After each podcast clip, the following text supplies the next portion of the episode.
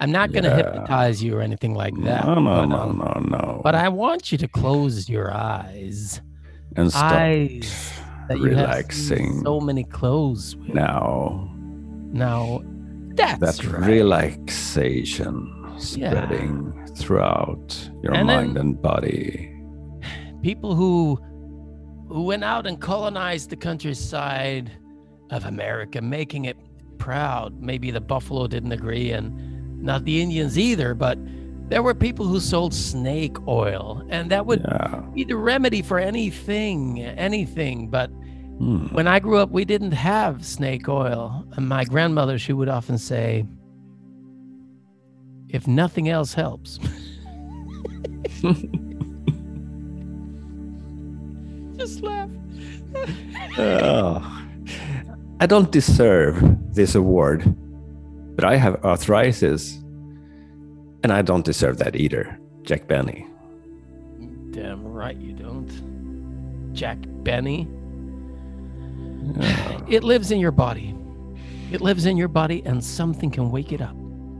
Some say a good laughter leaves a footprint in the soul. Go inside and look for a laughter. When you remember or wish to. That's right. That's right. Nurture it teach it to enjoy yourself in a curious and playful way. Smile when you remember your face. Mm. Look not for a reason to laugh, it is the opposite. the opposite. And as you do, some part of you will remember that our survival as a species is an act of collaboration.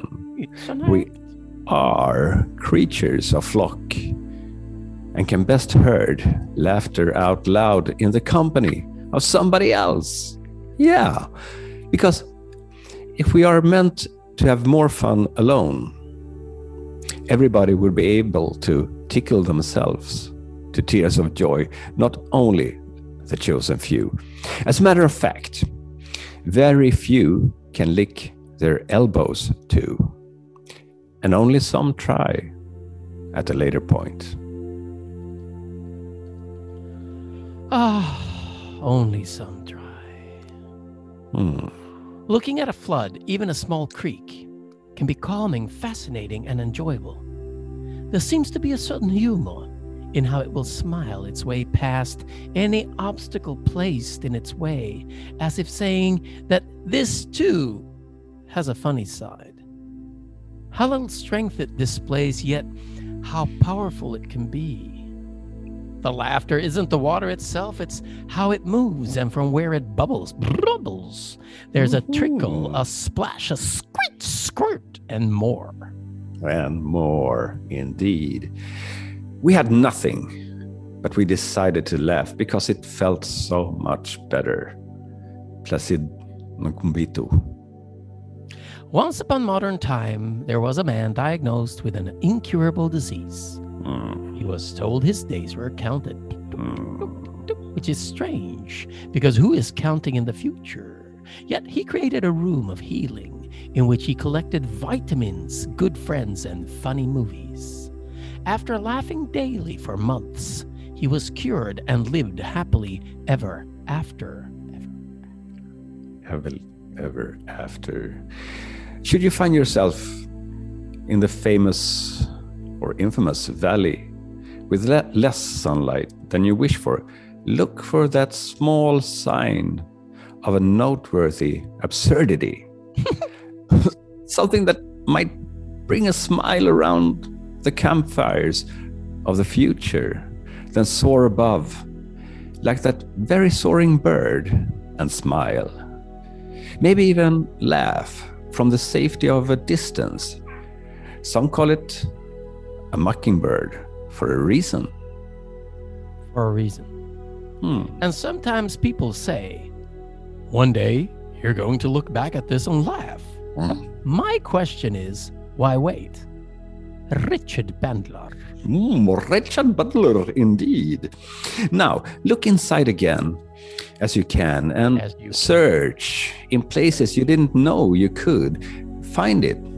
That fountain from where your untamed laughter emerges when you aren't prepared. You don't need to. How your body prepares for it. It can be a shift in the muscles of the breathing, and how suddenly it may spread on its way to the surface of your face. Notice the temperature if you spin it in whatever way you find inappropriate. And while some need a unicorn or a rabbit, you may be different.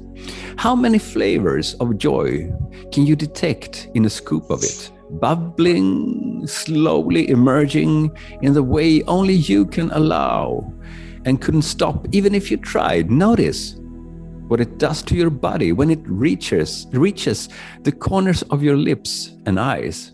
What else is there about laugh, laughter? What else is there about laughter? Hmm. Laughter seems to evolve naturally where the seriousness of life takes a break. Hmm. I was so naive as a kid. I used to sneak behind the barn and do nothing. Johnny Carson. I love Johnny Carson. Yeah. So, as you realize that this is something brought to you by voices in your head, but not your own, Hmm. you can simply come out on the other side and s- switch over. Yeah. waking up and getting it out of your body.